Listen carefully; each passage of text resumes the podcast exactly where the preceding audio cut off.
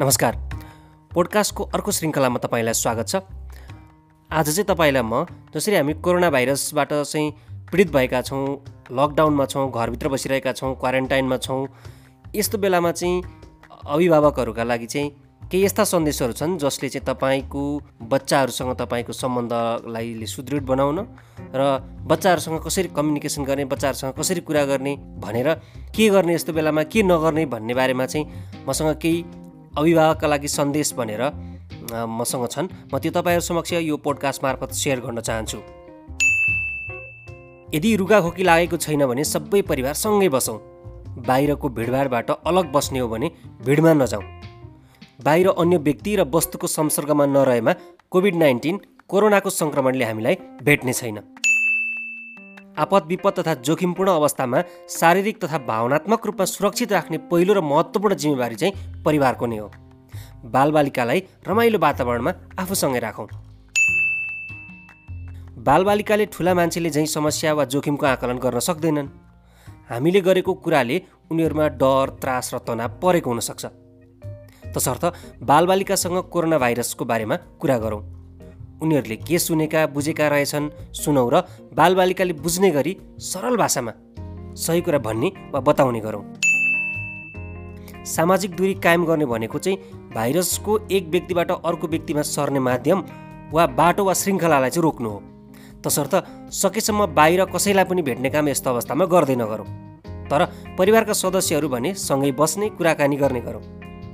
एकअर्कालाई सुनौँ बालबालिकाको कुरा सुनौँ उनीहरूको जिज्ञासाको सही उत्तर दिने बानी गरौँ। बालबालिकाले विद्यालय र किताबबाट मात्र सिक्छन् भन्ने कुरालाई चाहिँ पुनर्विचार गरौँ। बालबालिका जति बेला पनि सिक्न तयार हुन्छन् र सिकिरहेका हुन्छन्।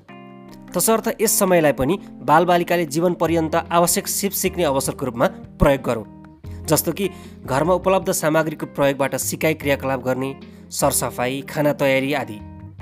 यस्ता क्रियाकलापबाट बालबालिकालाई भाषा विज्ञान गणित सजिलै सिकाउन सकिन्छ।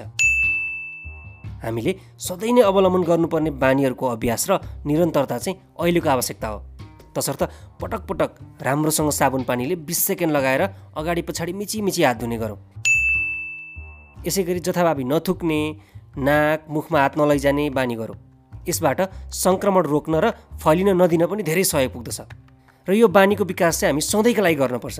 अर्को कुरा डर त्रास भन्दा पनि सजगता चाहिँ अप्नाउनुपर्छ। यो समय रोगसँग लड्ने अथवा भनौँ न रोग प्रतिरोधात्मक क्षमता बढाउने पनि समय हो। तसर्थ घरमा पाइने स्वस्थकर र ताजा खाना बनाएर खाने गरौँ। चाउचाउ कुरकुरे जस्ता जङ्क फुड हुन्छ नि जुन पत्रु खाना भन्छौँ त्यस्ता खानाले शरीरलाई कमजोर बनाउँछ। रोगसँग लड्न सक्ने क्षमतालाई पनि कमजोर बनाउँछ। यस्ता खानेकुराको प्रयोग गर्दै नगरौँ। मौसम अनुसारको तरकारी र फलफुल खाने चाहिँ बानी गरौँ। यी जुन अहिले मैले भनेका टिप्सहरू छन् यदि हामीले यो चाहिँ फलो गऱ्यौँ भने र बच्चाहरूलाई पनि यसका बारेमा सिकायौँ भने यो समय चाहिँ बढी रचनात्मक समय हुनसक्छ र बढी यो बेला सिकेका कुराहरू चाहिँ दिगो हुनसक्छन् पछिसम्म पनि काम लाग्ने हुनसक्छन् र नयाँ बानीको विकास गर्नको लागि पनि अहिलेको समय उपयुक्त समय हो। तसर्थ यी कुराहरूलाई विचार गरौँ। मेरो पोडकास्टमा तपाईँलाई यस्तै जानकारीहरू म पटक पटक दिइरहनेछु। कृपया मेरो पोडकास्ट तपाईँले सुनिसके पछाडि तपाईँलाई लागेका कुराहरू चाहिँ तपाईँले मलाई सुझाव तथा प्रतिक्रिया दिँदै गर्नुहोला। अहिलेलाई यति नै भन्न चाहन्छु। यस्तै विषयवस्तुसँग फेरि अर्को श्रृङ्खलामा भेट्नेछु। आजको पोडकास्टमा समावेश गरिएका जुन सन्देशहरू थिए ती सन्देशहरू उपलब्ध गराइदिनु हुने प्रारम्भिक बाल विकास विज्ञ डाक्टर मिनाक्षी दाहाललाई धेरै धेरै धन्यवाद दिन चाहन्छु। हवस् त नमस्कार।